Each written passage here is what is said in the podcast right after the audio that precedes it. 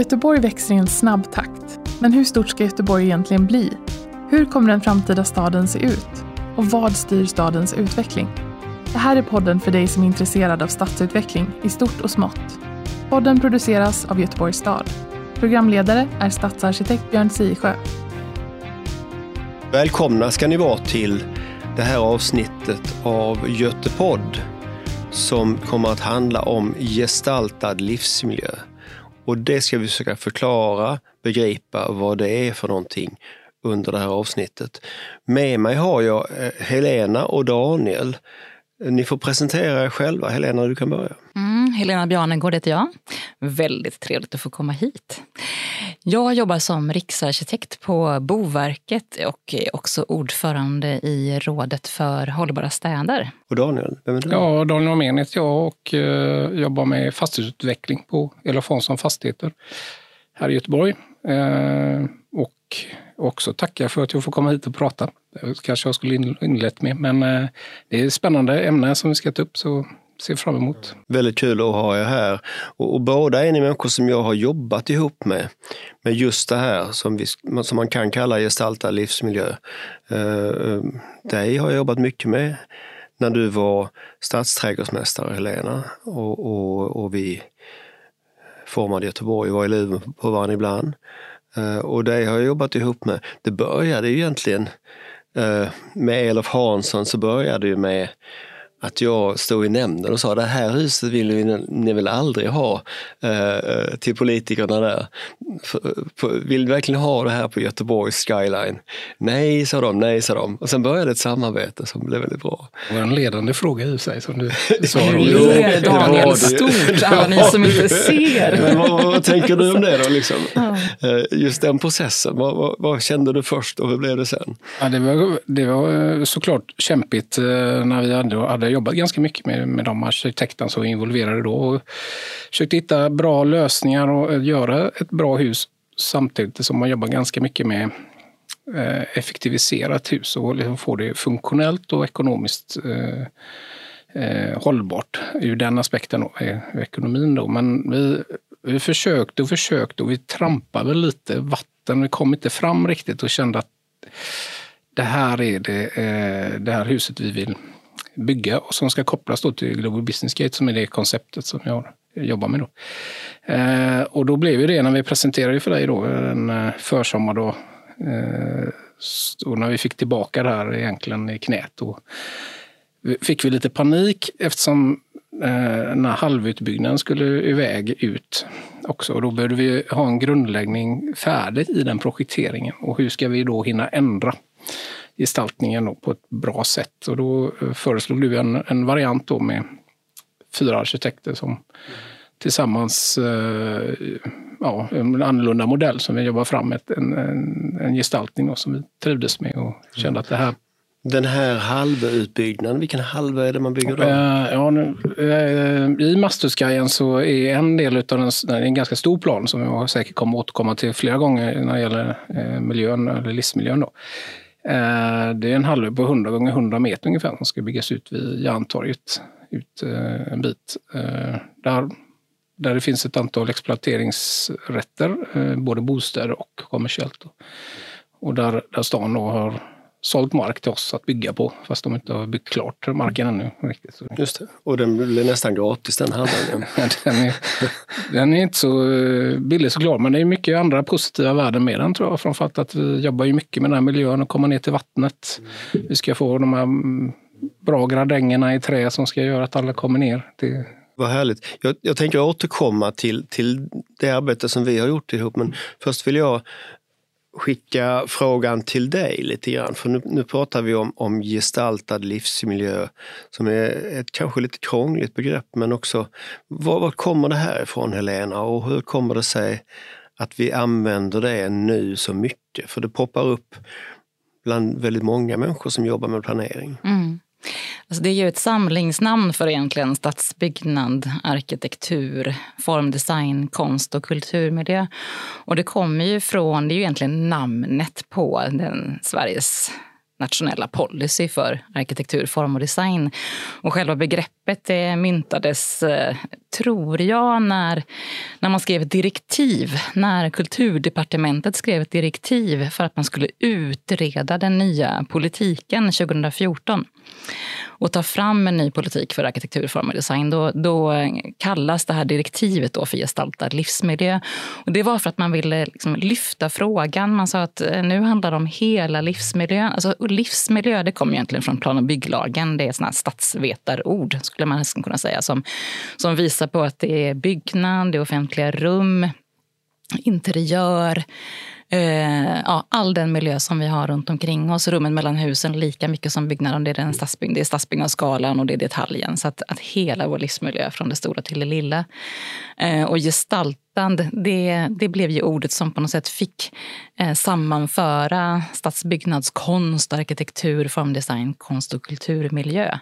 För att det är estetiska professioner och, och till syvende och sist så handlar det om hur vi organiserar och formar städer och samhällen på olika sätt. Så det är ju ett stadsvetarord kan man säga. Kom från, eh, från just från den nationella policyn, politik för gestaltad livsmiljö.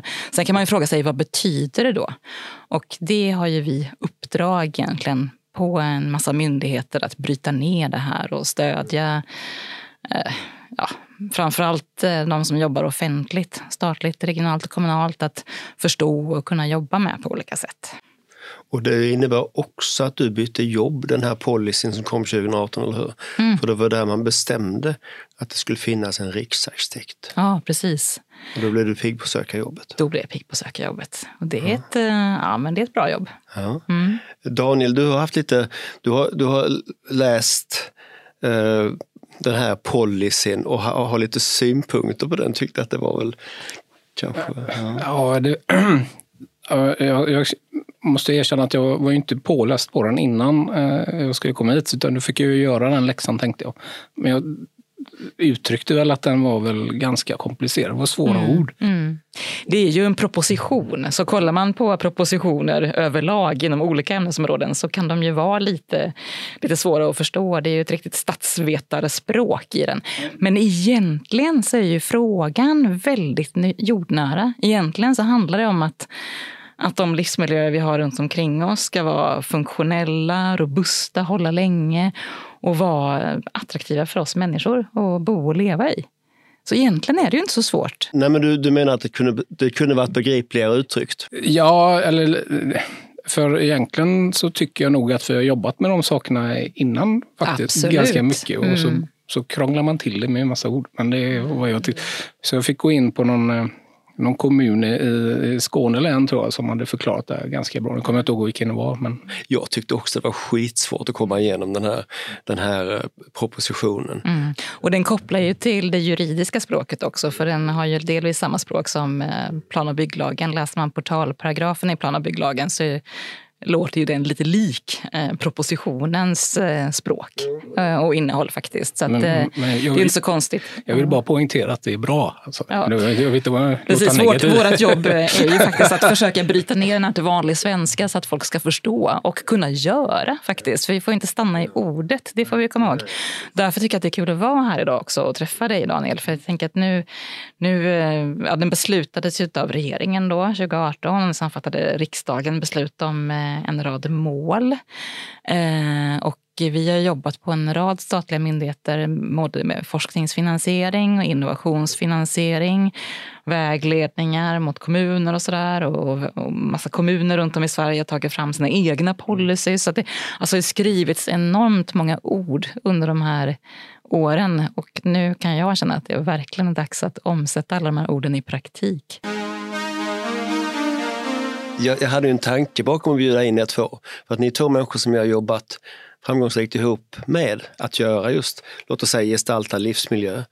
Uh, och ni har ju helt, medan du träffar ministrar och generaldirektörer så håller du på med Excel-ark eller sitter i en byggbod där kaffekopparna hoppar för polkranen går och sånt. Va? Så det är liksom lite olika, olika jag har också suttit i byggbodar i många år i mitt liv faktiskt. vet, och stått och sparkat eh, på jorden och sagt att här får vi nog göra om och göra bättre. Och så. Nej, så jag vet att du är en praktiker också. I själ och hjärta. I själ och hjärta mm. kanske inte. Jag frågade dig lite Daniel här innan, just det här med om vi säger att vi kan göra saker sämre och bättre. Och att, att det kanske inte, det kanske kostar mer ibland.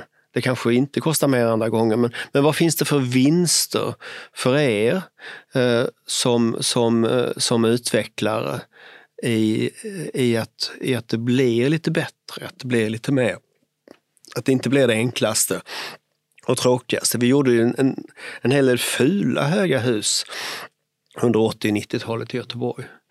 Men, men vad, vad, vad, vad, känner du själv inför det här? Liksom? Fula hus, det, det, får stå för dig då Björn. Men eh, det finns ju...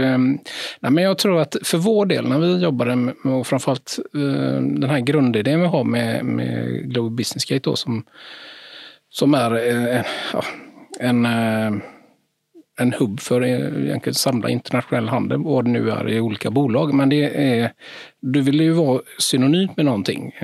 Att då kanske det inte går att göra ett allt för enkelt hushåll. Det får ju vara någonting som bjuder in och sticker ut för att kunna dra eh, för att kunna locka till sig intressenter egentligen. här vill man sitta. Eh, och det, men jag tror mycket, mycket kanske inte handlar om den höga husets gestaltning egentligen, utan det handlar mycket mer om gatumiljön, mm, gatuplan och de delarna. Att man gör dem attraktiva framförallt för för omliggande miljöer då, som runt omkring med torgmiljöer och, och allt vad det kan vara. Då. Och nu pratar du som en sann förespråkare för gestaltad livsmiljö faktiskt. Ja, jag är indoktrinerad i Masterskyen vill jag hävda. Hela den detaljplanens arbete har ju handlat väldigt mycket om de här frågorna som, mm. som, som du tar upp. Då, som jag tycker vi gjort väldigt framgångsrikt. Det tycker jag också. Vi ska komma till det så småningom. Men först vill jag bara fånga det här med, för du har varit ganska förtvivlad över när man har räknat fel och, och, och, räknat för billigt och så säger man nu måste vi spara. Och så kommer man till och så säger man vi tar bort en massa saker, vi tar bort de bra sakerna, vi gör det super, super enkelt. Och så säger man vi kanske tar bort några träd i parken, vi kanske eh, vi gör ett enkelt utförande. Och då, då står vi med det sen där i, i, i, i tiotals år efteråt. Så att du har ju varit på mig ganska mycket om det. Liksom. Mm. Vi kan inte göra så här. Nej, men det, framförallt i vårt fall då, när man ges gestalta fasader då kanske, att man vill ha ett djup i den så det inte blir en enkel rak eh, glasning som kanske många ser som eh, ett attribut för att det inte är vackert. Då. Eh, men eh, när man jobbar med det då får man ju också eh, ha hjälp av staden, att man får göra de här gestaltningarna utan att det påverkar kanske eh, en BTA-räkning eller eh, att vi tummar lite på BTA är ju bruttototal area, det vill säga hur, hur, mycket, hur mycket hus, hur många kvadratmeter hus får man bygga. Och räknar man in en fasad som ser ut som ett 1800-talshus kan vi säga, mm. till exempel, så, så, kanske det blir mindre effektiv yta man kan använda till slut. Då, om ja. man ska gå ja, precis. I vårt fall är det att vi köper en viss mängd BTA som vi betalar oavsett hur mycket vi bygger egentligen. Så, så man vill ju använda så mycket yta det går då. Ja, så man ska ha råd att bygga det också, förutom att det ska vara vackert. Ja, ja det är många parametrar. Ja, det är det. Men du som jobbar i andra änden av det här, hur, vad tänker du när du hör de här sakerna? Så? Ja, framförallt så tänkte jag, ja, jag tänker flera saker. Alltså, hur får du in eh, känslan i Excelbladet? För jag tänker att eh, Ja, när Vitruvius pratade om användbart, robust och vackert så är ju vackert en, det handlar om estetik som i, i, i, sin tur egentligen handlar om känslan. Det ska kännas bra och, och vistas i huset, det ska kännas bra och, och se huset på avstånd, det ska kännas bra i, i närmiljön på olika sätt. Hur landar den här känslan i Excelbladet? För vi pratar, det är många som pratar om att det här är inte mätbara värden och det tror jag egentligen inte att de är heller. Men nu, det här är ju viktigt för er, det hör jag ju. Mm. Hur får du in det här i beräkningen? ja, ja, det, det beror, beror nog på vem du frågar i min organisation då, då som jobbar med, med kostnadssidan har ju en annan syn på eh, intäktssidan. Då. Vi jobbar med intäkt så är just de här miljöerna väldigt viktigt att få till. För då får man upp ett intresse. Eh, man får ju upp eh, en möjlighet att eh, man vill hellre sitta i det här huset än ett annat hus om man är kommersiell eller lokal hyresgäst. Då.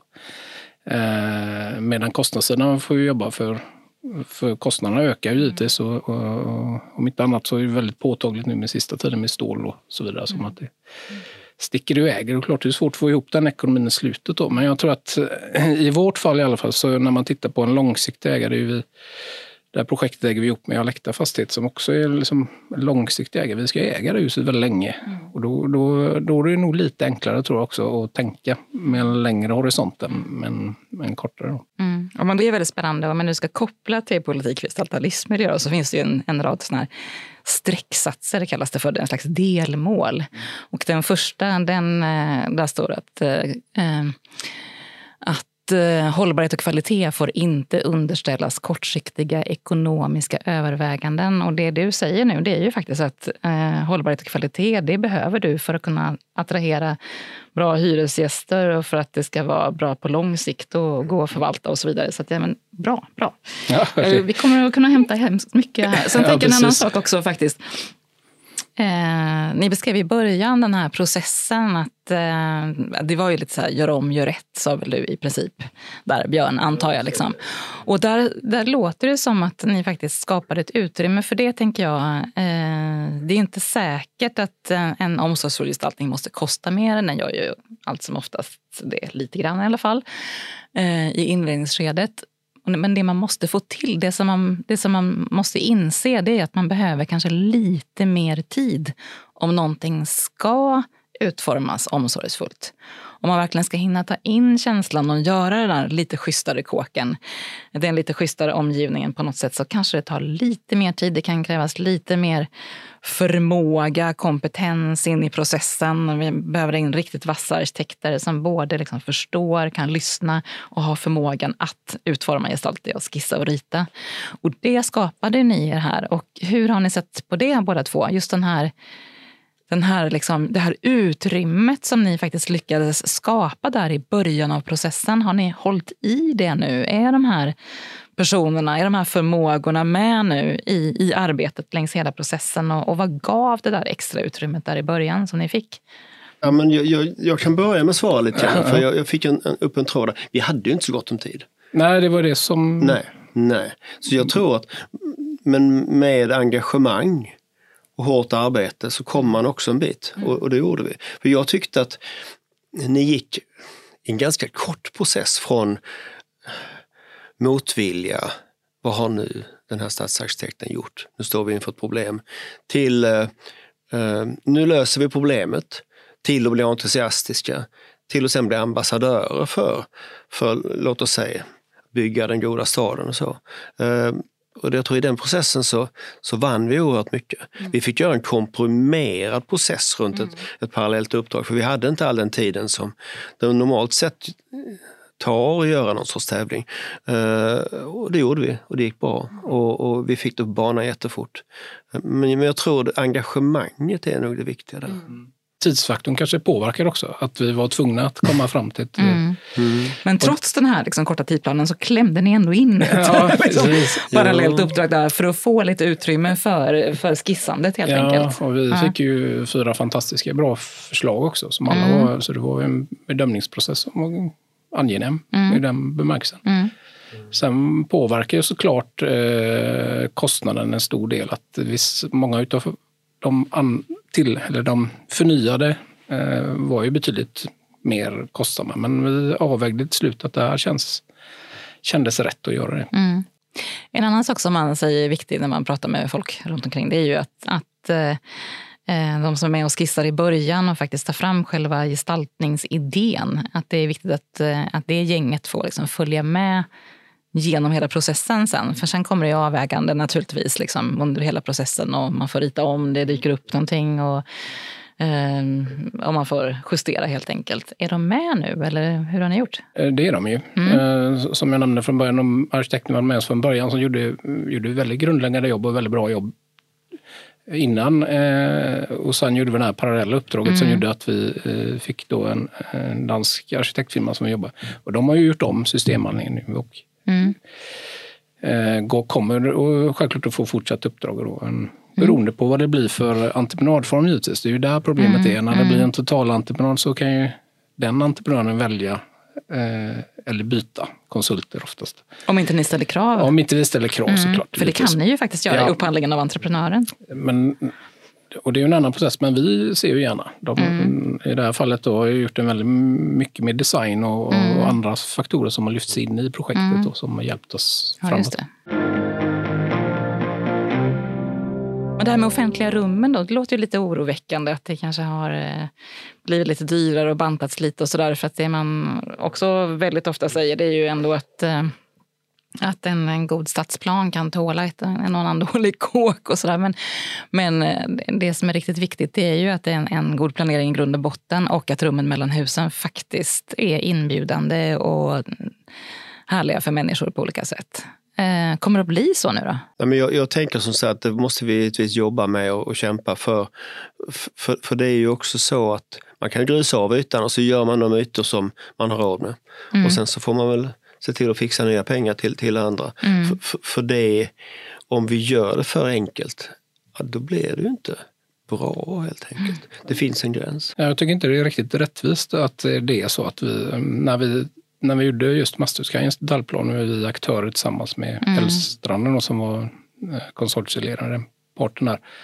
Eh, så har vi gjort en detaljplan med mötesplatser, mm. blåa stråk och gröna stråk och all, all, alla de här saker som vi jobbat och planerat, levande gatuplan som är en väldigt mm. styrande del i, i hela planen.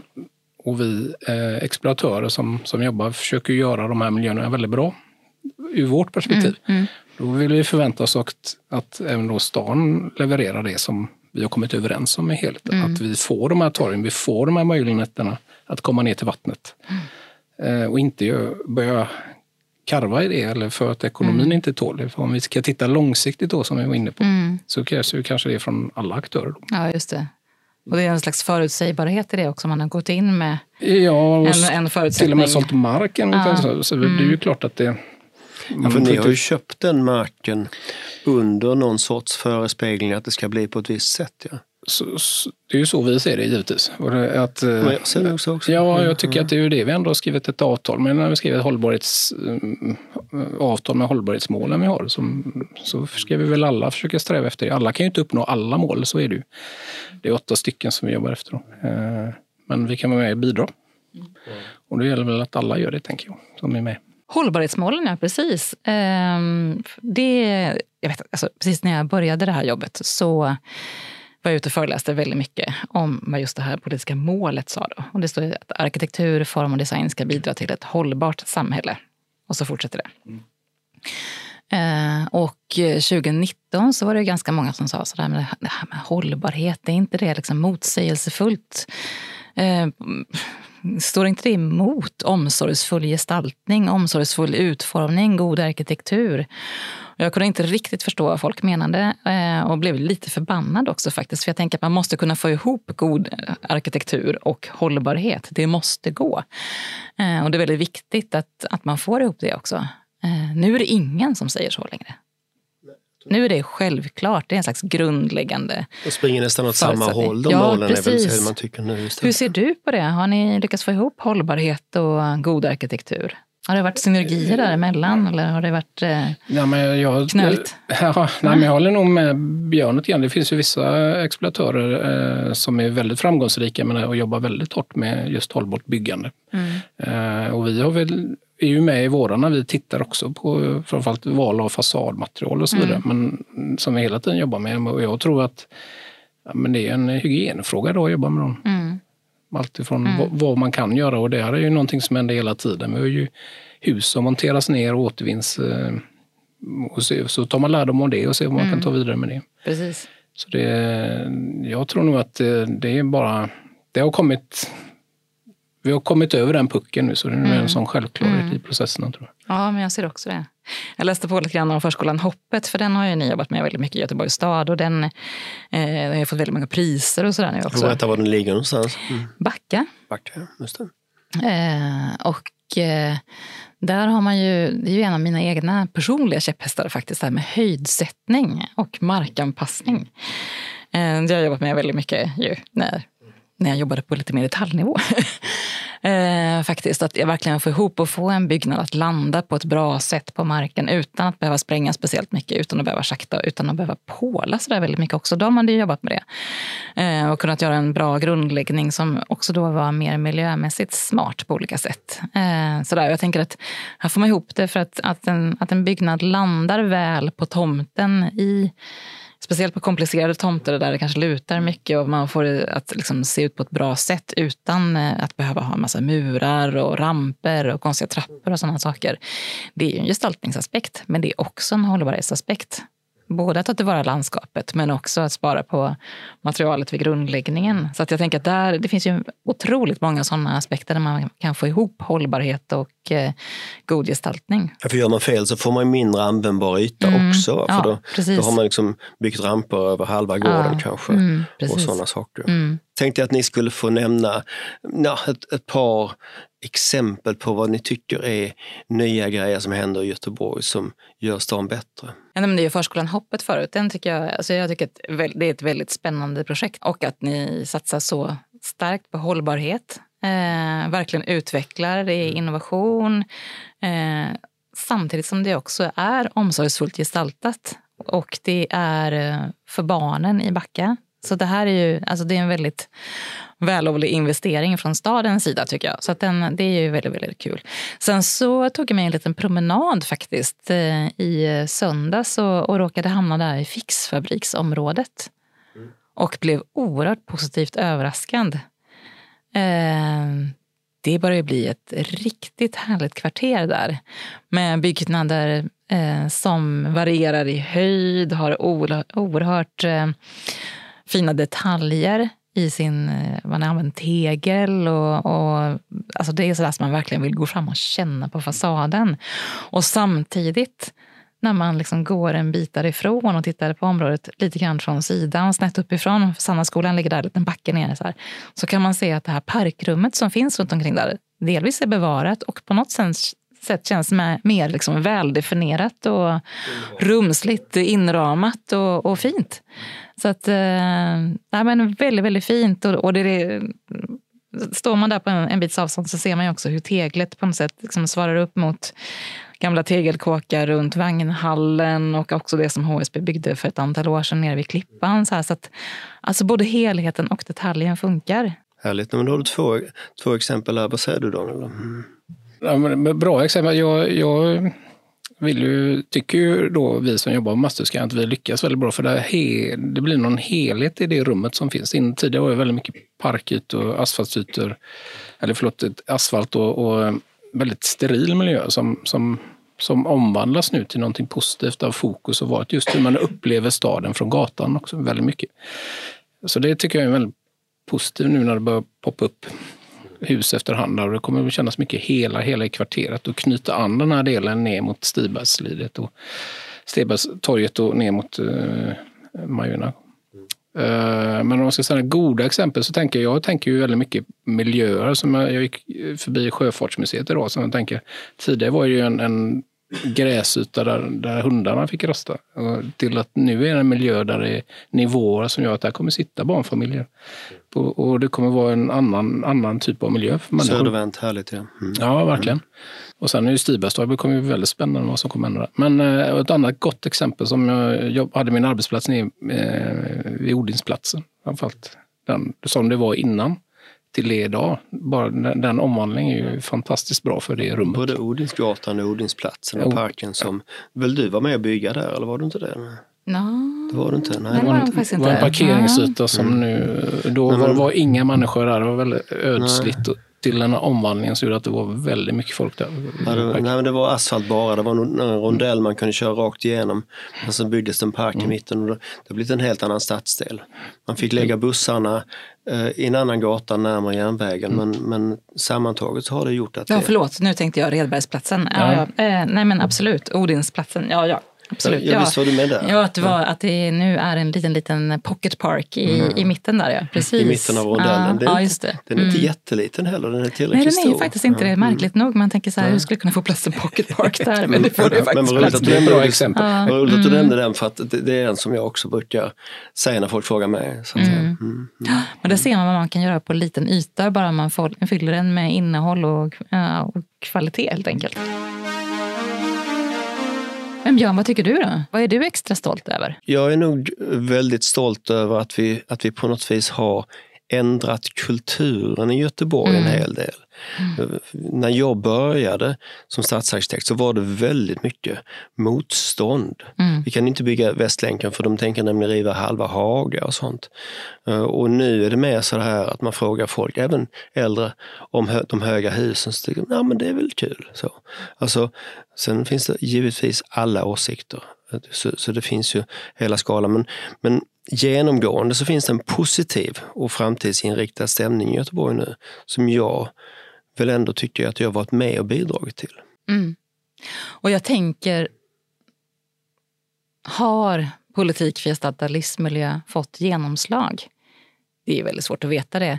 Men trenden som finns i samhället, att vi faktiskt ska sätta människan i centrum. Att vi sitter här nu och pratar om attraktiva livsmiljöer, om, om god gestaltning den är ju stark. Den finns ju inte bara i Sverige utan den lyfts ju också av eh, UN Habitat, den lyfts av EU på många olika sätt. Eh, det, det började också liksom styras ganska stora offentliga medel mot den här frågan på olika sätt. Vi kan se Ursula von der Leyen har ju lanserat sitt initiativ European Bauhaus. Och det var inte så många som visste vad det var för eh, några månader sedan. Men nu börjar det visa sig att man kommer att lägga in det här som en aspekt. De har ju tre ledord hållbart, inkluderande, vackert. Och de kommer att lägga in de här ledorden, det här perspektivet att, eh, att man ska bygga hållbara, inkluderande livsmiljöer eh, i väldigt, väldigt många av de här stora finansieringsprogrammen i EU. Så när vi ska jobba med ett klimatneutralt samhälle, då är det viktigt att skapa hållbara, inkluderande, vackra livsmiljöer och så vidare. Så att i Green Deal, i Horisont Europa, i alla de här stora finansieringsprogrammen så lägger man nu in hållbara inkluderande livsmiljöer som en aspekt. Då. Så att det här är ju, det är en, jag tror att det är en stor förändring som vi kommer att se. Vi har andra områden kanske där man är ensidigt, eh, ensidigt boställe, ensidigt kommersiellt. Där det inte lever hela dygnet en stadsdel som jag tror att som det finns, vi kommer se goda exempel på när, när det väl om tio år. Då, så jag tror det gå fortare. Men mm. eftersom det finns fungerande miljö redan som intill så jag tror att det här kommer ja, bli riktigt bra. Det där är superviktigt det du säger. Alltså blandade städer där det rör sig människor många tider på dygnet. Eh, det är ju jätteviktigt. De blir tryggare och de blir bättre utnyttjade. Det vill säga vi slipper bygga ut ännu mer stad, ännu mer infrastruktur. Eh, så, att, så det, det är superviktigt. Och, och, och, vi ska bygga, vi ska bygga eh, hus på marken, små hus på marken i miljonprogramsområdena. Vi ska bygga eh, högre hus i villamattan för att ja, man behöver utbud, man behöver variationer, man behöver det behöver vara tillräckligt många människor på olika ställen. Mm. Nu har ni jobbat väldigt mycket i centrala stan. Älvstaden har ju varit ett stort projekt som har pågått länge som började med River City-workshopparna och så vidare och Vision Älvstaden. Men vad är, vad är, nästa, vad är nästa årsring nu? Vad...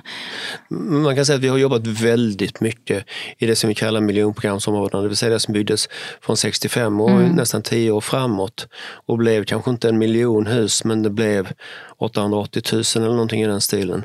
Eh, det var en, en byggboom utan dess like. Mm. Där man gick in för industrialiserat byggande och kanske, kanske missade en del andra grejer, även om mycket i miljonprogramsområdena är väl närheten till naturen, trafiksäkerheten. De områdena lyckas man mycket bättre med än 50-talets områden. Och, och då kan man säga som så här att eh, där är vi inne ganska mycket och jobbar med. Mm. Att tillföra saker. Mm. Eh, För där behövs det ju verkligen. Ja. Det behövs ju en vitamininjektion ja, där av något slag. Ja, men mm. och, och Bergsjön till exempel, där vi bygger nytt kulturhus nu. Mm. Det byggs ganska mycket bostäder i Bergsjön också. Alltså, så, så vi, där är vi mycket igång. Men sen finns det ju, om vi pratar om de kommande stora årsringarna, då kan vi säga att när vi väl skottar igen efter, efter Västlänken i Gullbergs vass, det vill säga det, det här stora området som, Mm, ja, är som, är, ja, som är Mm. olika sorters asfalt och spår och sånt idag. Då har vi en, en stadsdel som heter Duga att bygga på där. Mm. Eh, och det finns flera sådana områden i Göteborg. Vi har fortfarande fördelen av att vara där många av Europas storstäder var för 20 år sedan när man bygga, började bygga docklands i London och sånt. Mm. Vi slipper göra samma misstag, vi kan göra nya fräscha misstag kanske istället. Men, Mm. men, men vi har mycket mark in emellan att bygga på Göteborg. Mm. När du pratar, jag har alltid pratat med stad och, eller in, innovativa projekt och så vidare. Det, känns, eh, det känns lite främmande för mig faktiskt. eh, När du säger det, för jag, eh, det är inget som kommer ner. Det, det- gör det i sig till viss del i olika, framförallt när Älvstrand har jobbat med det, men de får driva vissa social, eh, vet du det, sharing city-projekt och så vidare. så det, men det, kanske inte riktigt den nivån, men jag tänker på det. Det låter ju väldigt bra. Mm, nej, men, men, det, men det är ju intressant det där, för jag är ju någonstans mitt emellan där i detta. Ja. Eh, Och, ja, men du, du är där, du ska ju få dina projekt att gå ihop så att de går att bygga. Och sen så ska, ska du ha ska du helst ha med dig en arkitekt kanske som har en stark idé så att det blir något, något bra även när man har varit och bantat några omgångar som man ofta måste göra. Och sånt, va? Så du är ju ver- verkligen där i, i liksom between a rock and a hard place som, som liksom, i detta. Att det måste, ja, det måste bli bra men det måste också bli byggbart. Problemet när, när det debatteras om arkitektur i många sammanhang kan ju vara att man eh, liksom stirrar sig blind på, på eh, om man tycker någonting är vackert eller inte. Eh, och det förminskar ju hela frågan om arkitektur kan jag tycka faktiskt. Eh, om vi går tillbaka och ser att ja, men här gäller det faktiskt att skapa någonting som är funktionellt användbart för det är det till för, kunna vara flexibelt inför framtiden också.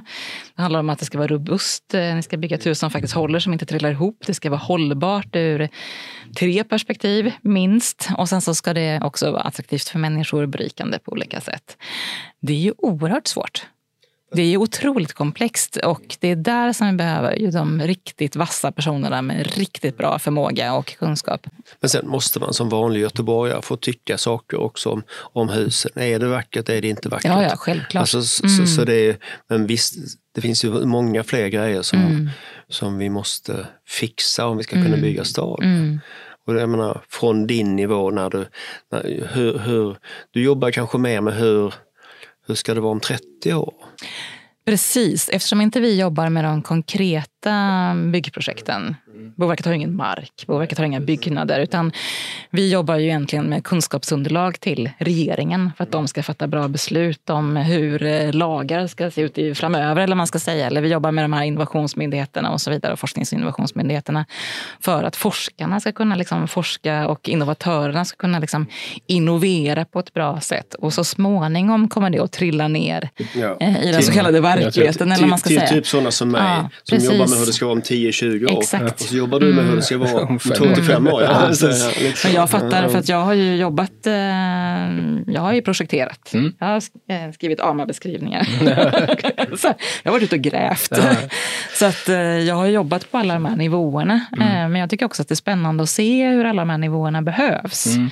Ehm, faktiskt. Och att det, det krävs ju också någon på den här övergripande nivån som inte bara någon utan det krävs ju ett gäng faktiskt.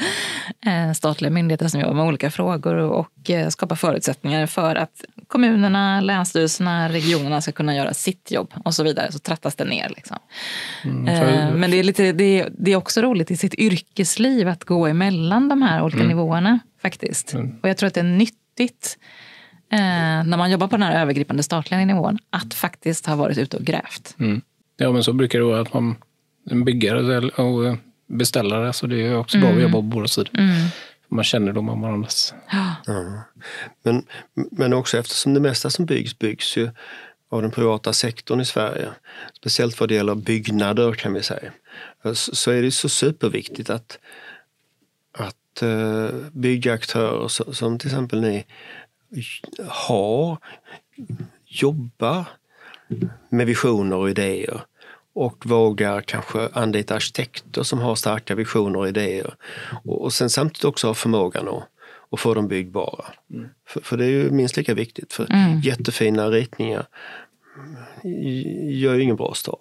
Utan det, det handlar om att det måste, det måste både vara starka idéer och de måste gå vidare. Ja, men det är en helhet tror jag. Inte bara att man gör mm, mm, fina hus, bra hus och funktionella hus, utan det är ju miljön runt omkring som är väldigt viktigt. Att den knyts till huset också, för det mm. blir en helhet som ska upplevas. Ja, jag tror att vi skulle kunna sitta här och prata i tre timmar till, men det, det får vi inte. Eh, så att eh, jag ska tacka er så hemskt mycket för, för att ni kom. Och det var en, ett superbra, intressant och roligt samtal som jag har fått ha med er. Så tack så mycket. Tack själv. Ja, tack själva. Du har hört ett avsnitt av Götepodd som produceras av Göteborgs stad. Redaktörer är Ann Bergermark Rintala och Peter Wanding. Samt redigering Josef Bosir. Läs mer om Göteborgs stadsutveckling på www.stadsutveckling.goteborg.se